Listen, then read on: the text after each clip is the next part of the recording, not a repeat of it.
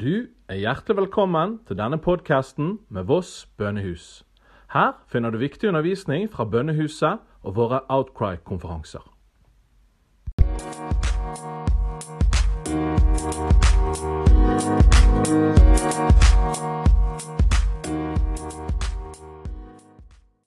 So, we want to welcome you to this uh, Voss House of Prayer podcast. Uh, we're so excited for this uh, this talk that we're gonna I'm gonna have now. I have a visitor here. He- His name is Johannes Hartl. He comes from Augsburg in Germany, and he's the leader of uh, the House of Prayer there, and and also he leads different initiatives around Germany when it comes to prayer. Um, my name is Øystein Hilleren. I'm a leader of uh, Voss House of Prayer. Welcome especially to our Norwegian lit- listeners. This will be in English, so we'll try to keep it, you know, uh, not too difficult. Language, my first language is Norwegian, and Johannes is German. So, so Johannes, welcome to uh, to this podcast. So nice that you could come. Hello. Good to hear you again. Yeah, great. It was so great having you here. In I uh, still remember. Yeah, I think it was uh, in April for our Outcry Yeah. conference. Yeah. Yeah. So I, you know, I read your book, uh, "Fire in the Heart," in the summer. Uh, Which is out in Norwegian. it's out in Norwegian. Yeah, that's true. It's a really. It's just I want to give it a thumbs up. I really was touched by your Mhm. story. So that book, it was just, and, and the presence of God. When I I got the book in the in the post. I felt the presence of God. It was just Wow. like so. So, who are you, Johannes? For the people who don't know you, I am, uh, my name is Johannes. I'm from Germany, 48, uh, 41 years old. I'm married, one wife, four kids. Right. And I would say I'm a person that was touched by the reality of, of, of beauty at a very early age. And I, I, I didn't know where beauty came from and why I was touched by it. And it took me some years to actually find out that there is one source of all fascination and all beauty, which is God. And if you realize beauty, if you see beauty, you are drawn to adore it or to contemplate it. Mm. So I felt myself drawn, drawn into contemplation, into prayer from an early year on. So I'm not the typical monk person. I'm not the typical, whatever, hermit guy or prayer guy because I, I, I, I love life, you know, I love good food, I love traveling, I love colors and all of that. So I found that my paradigm of prayer is very different from what many people think is prayer. So for me, all of life is about being in connection, being in connection to God, and out of that, being in connection with myself and other people. So uh, from this point of fascination on, my life took off in different directions. I did uh, professional professional studies. So I have a PhD in theology and philosophy and uh, and, and literature, and uh, I started different organizations. And yeah, I started the House of Prayer in Germany, which basically is a place where prayer never stops since nine years now. Uh, we've been praying twenty four seven, and out Mm. of that, many other initiatives, as you mentioned before, started. The largest one uh, probably was our national day of prayer that we had right at the beginning of the corona outbreak. We called that Deutschland betet gemeinsam, which means Germany prays together, with up to 1 million people Wow. joining that and many Amazing. top politicians from German government endorsing it, being Mm. actually part of it, you know, prominent people from society. So it was basically in the newspapers. It was in, on the front pages of some of the largest news outlets. So we really saw saw a big momentum of prayer. Wow, that's so great. So so interesting to hear that kind of your your way of starting is was actually just experienced the beauty of God then in a way. Yeah. Yeah. Yeah. So how does that look in your daily life? Like you're saying like your prayer life is different. How how does it look? What what does it look like for you when you're kind of beauty of God and prayer, you know, in all aspects? Well, first of all, fir- first of all, the last 13 years, the majority of my, or a, a- big chunk of my prayer life just took place in the prayer room, because uh, this was the years of pioneering the prayer house. So right now, the prayer room is filled with people. It's 24/7, so many people coming. So for me, Yeah. uh, like two years ago, it marked a new season. For me, I spent most of the time outside of the prayer room praying.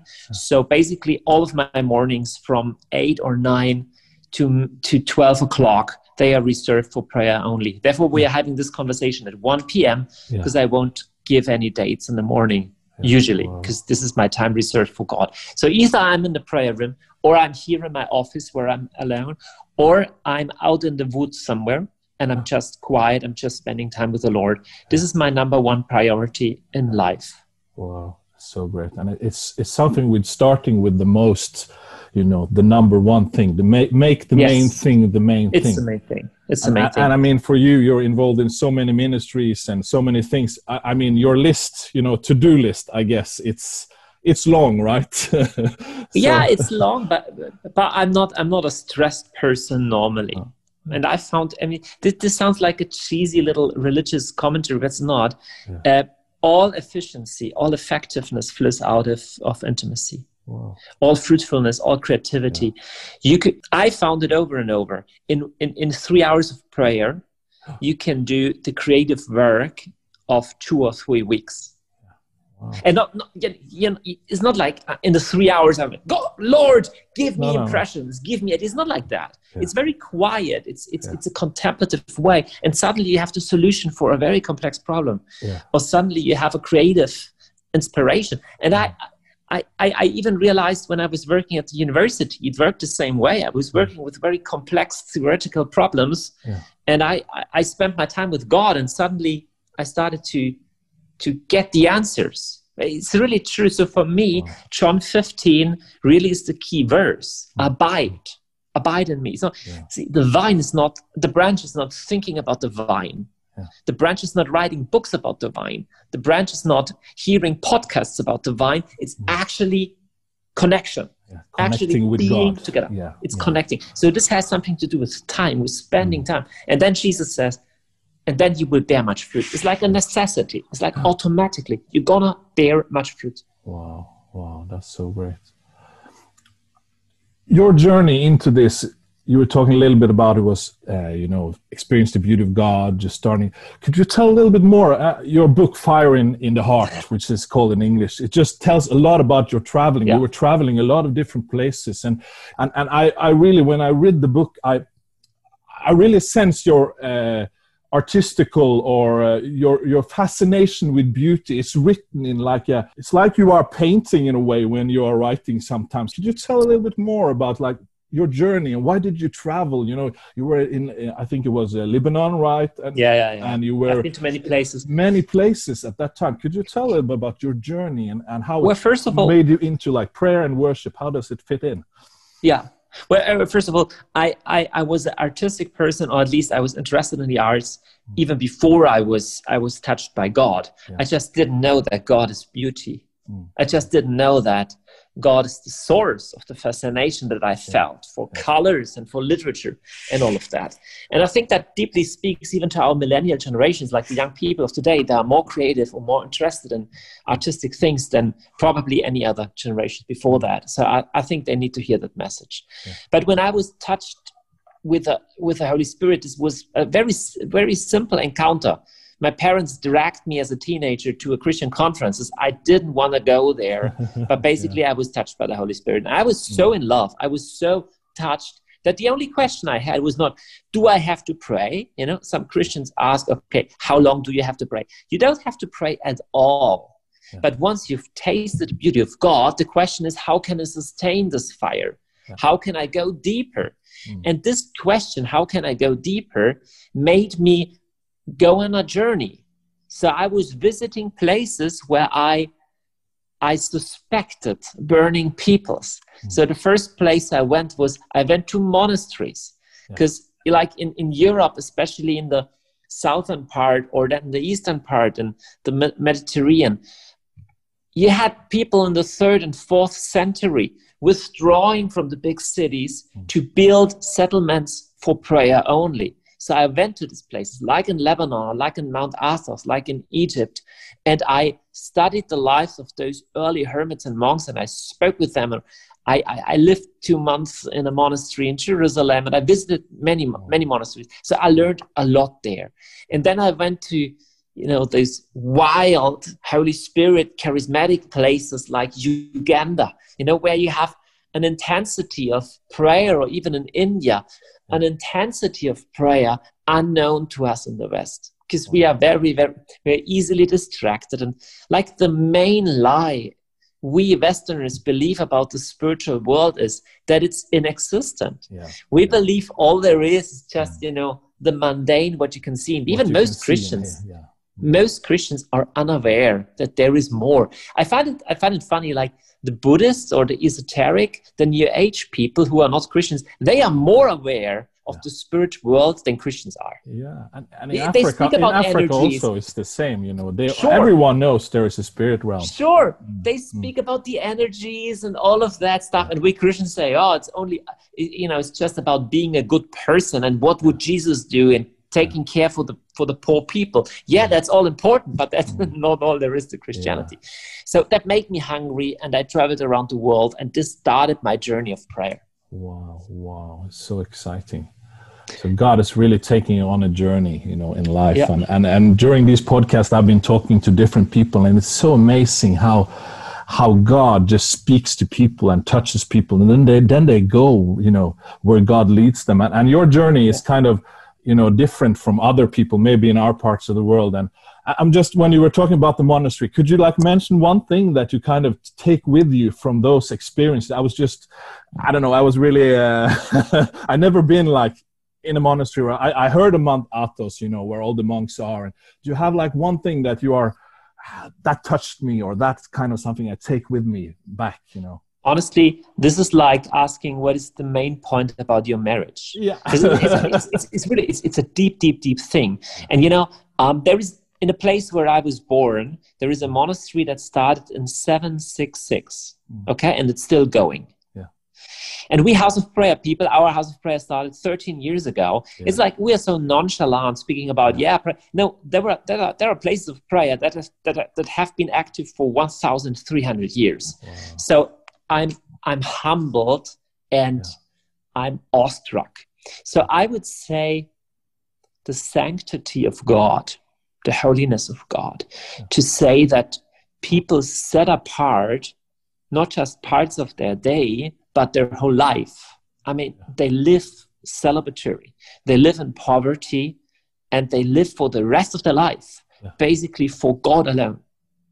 And all the monasteries, they were not, you know, built for people so much. There were visitors coming and they had schools, all of that. But basically it was it's a service for God. And this is something that speaks deeply to me because it's the same thing we do in the house of prayer we're not a monastery, but in the house of prayer, it's all about Jesus. It's all about ministering to God. And so often our Christian paradigm is faith helps me, which is basically true. You know, faith does help you. Yeah, but this is only one step, you know, this, mm. it's like to say, my wife helps me. Well, yes, she helps me, but that's not the, that's not the question. It's not the point. Right? It's not no. the point. Love is not so and, and you know it's, it's, it's not a means to an end yeah. love is the end itself so i think in the monasteries i learned this beautiful waste that god really is worth of sacrifice yeah. and worth to set apart time yes a whole life for him.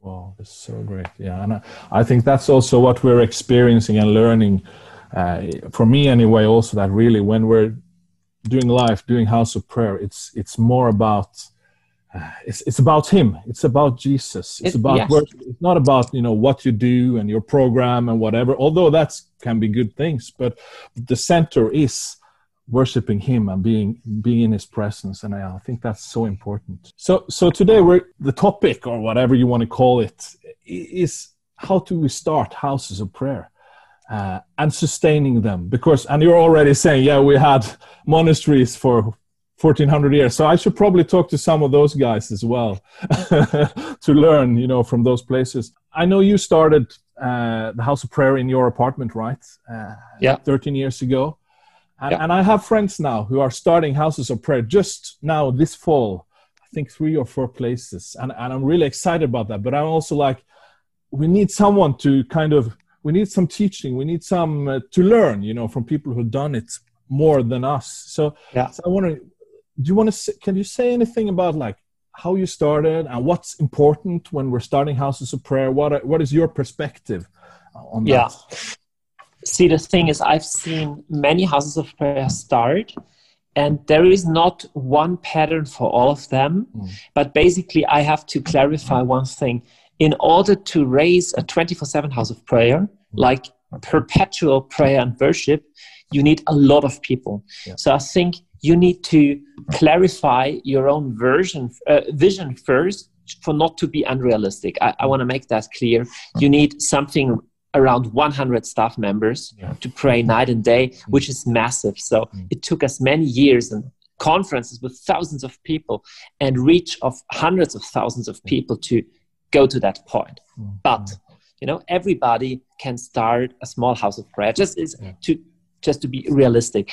And I think uh, what what we started, how we I, I can say how we started. Um, I started building a network first I had some friends spread out all across Europe, uh, all across Germany, whom I knew that they were hungry for more of God, something like that. And we started to meet on weekends and to speak about the house of prayer. Because I, I, I, I've, I've seen different models of houses of prayer. Especially important for me was IHOP in Kansas City. I went there in 2005 and I was deeply impacted for a weekend uh, without a clear deadline you know how we're going to make it happen this was the first stage and i think the first stage is pretty important mm. before anybody starts to live full time for a house of prayer you will need 30 40 50 people who are fascinated by the idea yeah. so for example if you're living in a city and there are different churches or different christian groups you can try to draw together, let's say five, let's say 10, let's say 15 people and talk about this topic. Or you take them and you go to another place and visit another house of prayer. This is phase one.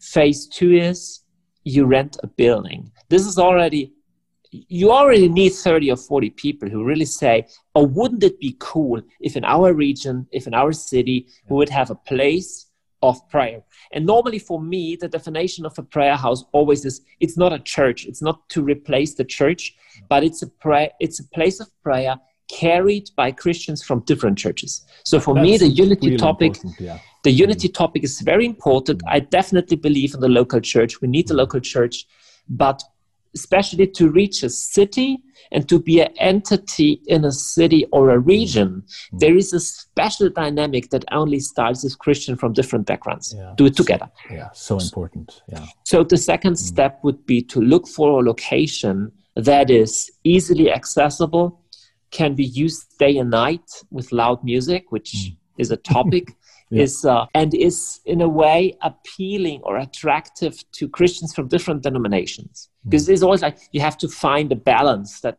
you know not to freak people out or so. Yeah. Uh, so so this is the second phase, and then you start regular prayer meetings.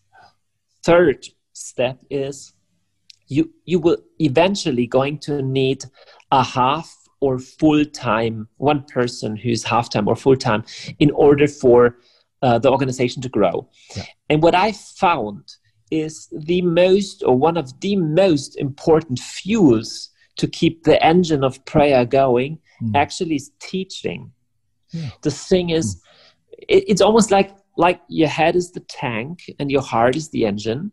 Mm. So you constantly need people to be trained even in prayer. I found that interesting that it's the only thing yeah. the disciples ever asked Jesus to train them. Mm. It's in Luke 11 1, teach us how to pray. They mm. never said, teach us how to preach, no. teach us how to heal, teach us how to build churches. They never said that. No.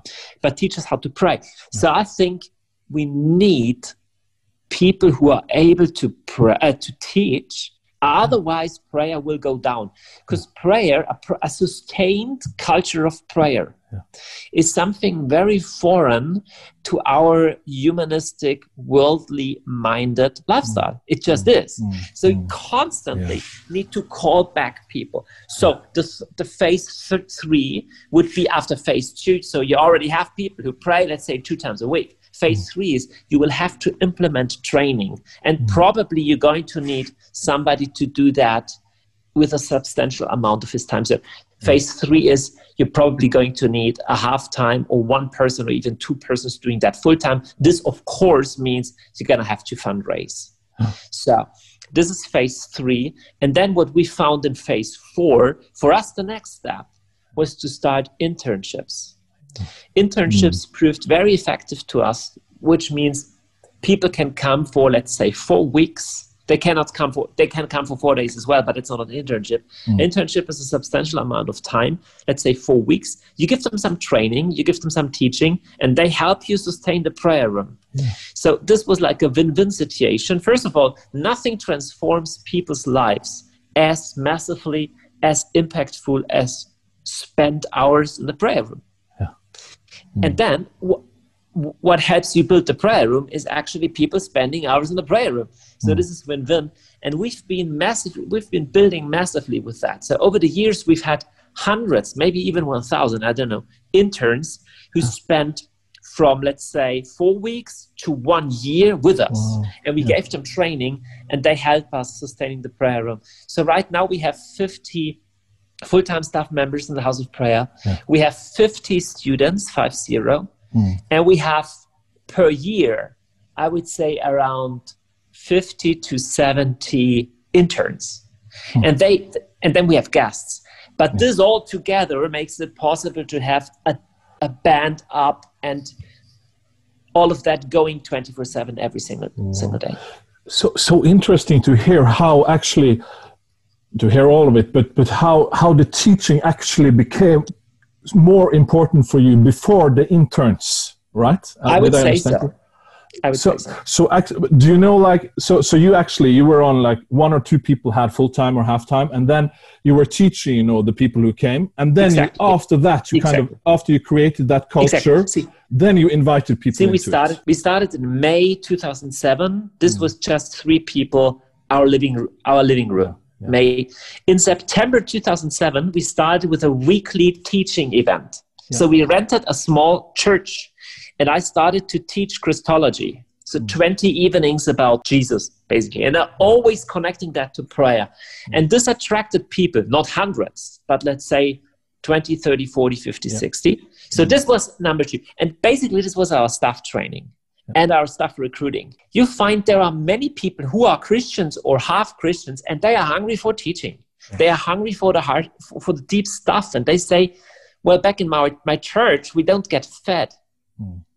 Mm. So, and, and again, this is nothing against the church whatsoever, mm. but we need places where you can grow deeper in prayer um, people are hungry for that actually. Just kind of so now you are kind of in this phase where you are you are more people and stuff but like in norway for example which is uh, as you know you've been here so you know we're not the biggest country. Uh, so in my town we're 15000 people and maybe there are um, two three four five hundred christians active christians so in a smaller scale place like because we're talking europe here you know and in northern europe especially there are smaller places or there are few christians uh, so so how do you kind of go go getting you know getting people involved? You're talking about teaching you're talking do you invite people or do you just pray and ask god to bring the workers or uh, what are your thoughts when it comes to like how because you're in germany and there are not you know it's not the, the bible belt there as well right?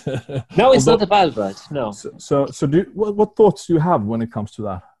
Well i think the location of your prayer house will determine what size you can expect at the end of the day. Yeah. so this would be a point to be realistic because uh, i've seen prayer houses started literally in the forest mm which is nice if you want to build something like you know a place where you can go in silence once in a while. Yeah. But this will not be a thriving 24/7 uh, place. So we chose our city very strategically. Basically that is in the middle of the german speaking countries. Yeah. it's easily accessible with highways and railways and it has a university.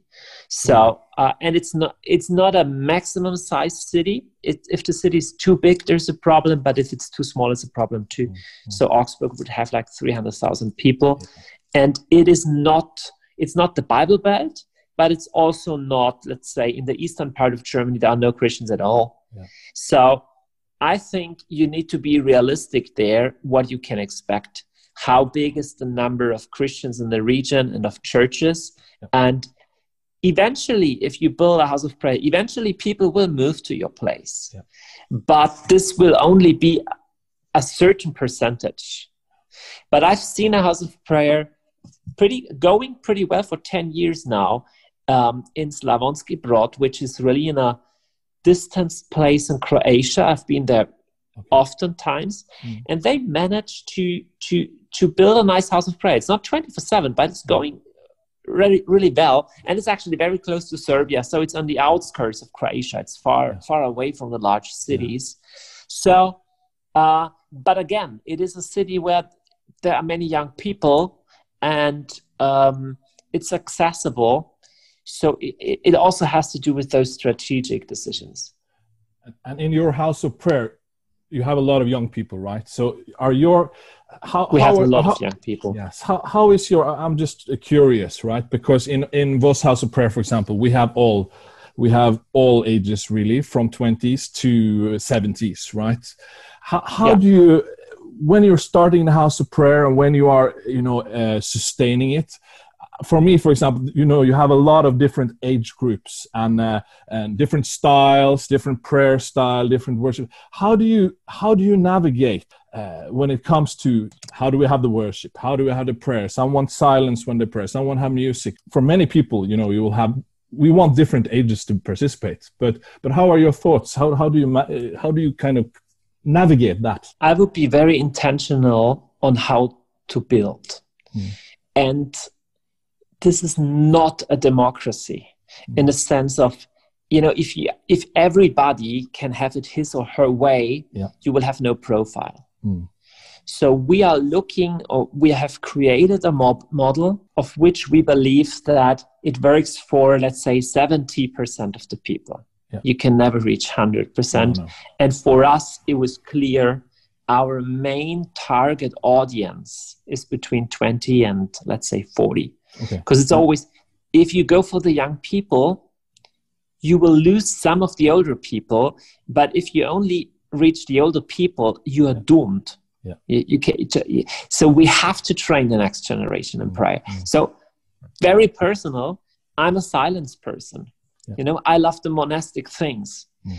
i personally i don't listen to worship music so much mm. but the house of prayer is only worship music because yeah. we found out well worship music is is the tool is the language spoken by people today yeah. so um, yeah. we're gonna we're gonna we're gonna create a culture of prayer that that works for most people and we're gonna establish that culture and defend it mm. so basically we came up with a model and if you want to be part of the house of prayer, you have to adopt that model. Because yeah. in prayer, there are a lot of crazy things happening as well. You know, mm. people praying in a crazy way for crazy things. Mm. And you have to basically be very strict. It's like if you go to an Italian restaurant, you know what to expect. Mm. You're not going to have gyros there. You're mm. going to have pizza there. It's an Italian restaurant. Yeah. So, as a house of prayer, create a model that actually works and stick with it. Yeah. That's so good.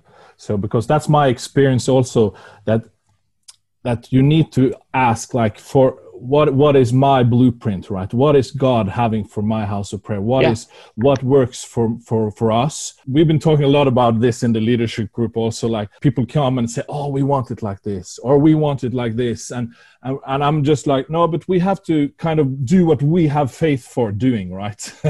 We can't just change our house of prayer and and then because they say it we have to do what we have faith for and what so so i think that's really good advice for people you know asking god for a blueprint and sticking to that i think that's really yeah i think that's really really important mm. yes it is mm. and it, the thing is you know some people will be really um, angry about that but even let's talk music style mm. you have to be picky you cannot have everybody lead worship because there are musically more or less gifted persons. Yeah. So you would say, oh, this is only for God. Let's mm. have it my way.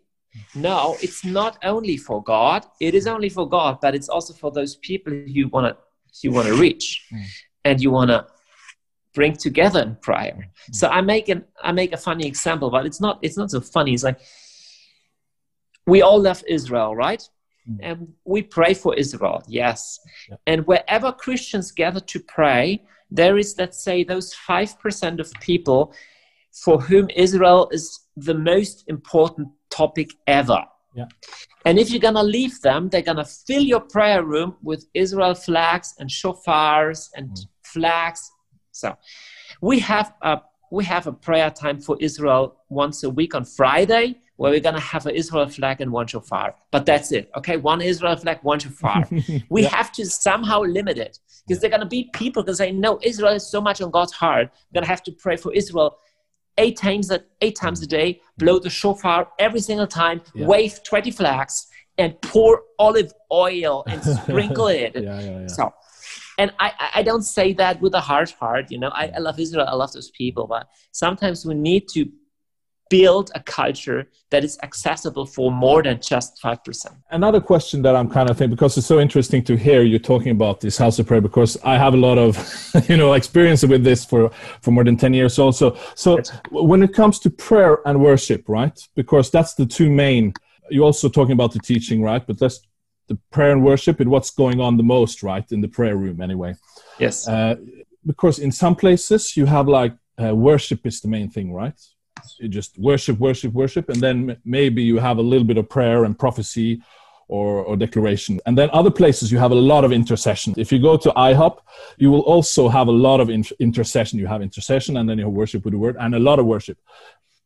How is your kind of, how do you balance those things? How do you like, how much prayer do we have? How much worship do we have? What's the main like, is the worship the main focus? Is the prayer the main focus? The intercession, the thankful? Yeah.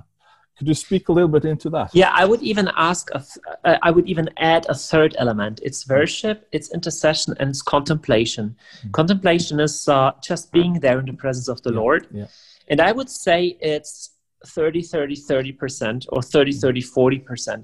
So intercession would not be the largest part because uh, I think even even focus wise, it's primarily, we are primarily called to be friends of God and lovers of God. Even if yeah. you read the Psalms, for example, mm. there is petition prayer, there is even lament, but the Psalms, Tehillim in Hebrew, it's called praises. It's, it's really praises. I think we are called, and not, not just, I don't just think, I know that we, we are. are. called, Ephesians mm. 1, to glorify God.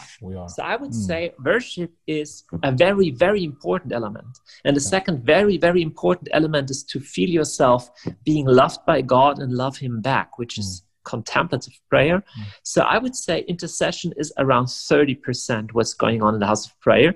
And if you've spent enough time worshiping the Lord and in contemplation, your intercession will be more effective Definitely. and less mm. stressful. Yeah. you know? I know, I know. Yeah, that that's so much my experience also. That when we when we start with worshiping God and seeing things from his, his perspective, there's something with how it changes the way you pray also because you pray from heaven to earth instead of just praying my problems or whatever you this is my difficult experience this day or i read this in the news so I, I really i really also think that's a key element when we have start a house of prayer and when we're sustaining it that the worship and the fascination of jesus and that has to have like a center stage in a way. Or it's it's uh, it's true.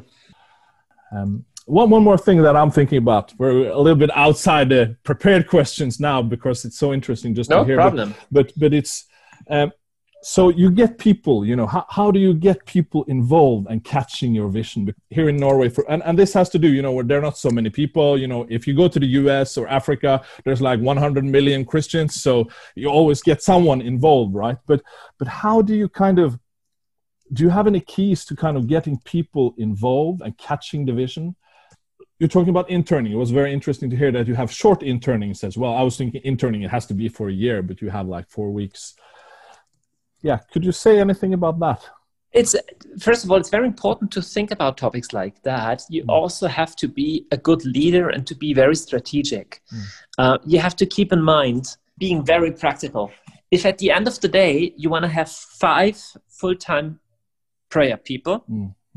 probably you're gonna need um, 200 people supporting them financially this would need this would mean you're gonna probably need 2,000 people who like your project. Yeah. This means you have to come up with an idea how to reach 10,000 people. Because yeah. out of 10,000 people, 2,000 will say, that's a good idea. Yeah. Out of which 200 will say, I'm going to donate, Yeah. which will make five people pray. Yeah. So this is very economically thinking, but Yeah. it's very important, first of all, how to address a larger group. Yeah. So for us, mainly two things were the most important driving factor. The first one was our conference called MEHR. Mm. It started very small. It's basically a I would say it's a very attractive and very good Christian conference. This is attracting a lot of a lot of people. The second thing is we're we were strategically using all met- methods of the modern internet. Yeah. Like I mean, we are pod, we are we're creating a podcast right now. We started with a podcast in 2006, so this was Wow. before we had Prayer, where I personally did it. Yeah. Uh, and we had YouTube tutorials how to do your personal prayer time. I would say in 2008. Yeah. So Wow. very, very, very right. early. The thing is, the mentality is the internet works like this. People go to your webpage or go to your Instagram or go to your YouTube only if you create value for them. It's not they want to learn about your house of prayer. Nobody cares about your house of prayer. Sorry. Mm. But people are there. They're in need of something. They're looking for whatever, for life help or inspiration. Yeah. And if you give them something, by the way, I think we have so much to give. Mm. If you speak their language, if you give them something, they, they, they, will come back and they will want more. And at the end of the day, we're not selling them anything. It's not about money, but we are building awareness for hmm. something. And what we're building awareness for is prayer. Yeah. And basically, the house of prayer is only a place that helps people to pray. But it's not the message. The message is not, we need house of prayer, we need house of prayer. The message is prayer. Message is, we need connection with God. And houses of prayer are a very, very good tool in strengthening prayer. Mm-hmm. Wow. So, so actually, the houses of prayer can be a key to sustaining prayer for people. Then, in a way, I would call it a catalyst. Yeah. It is a catalyst. Yeah. And and I, I can say we, we have around 20 larger houses of prayer in Europe or so, or well-established houses of prayer, Mm, mm. and they are just bearing good fruit. It, it's really it's working. I mean, in the sense like it's good fruit coming out. Yeah. It's, people are really transformed, and it's really shifting something. Oh, oh yeah. Yeah.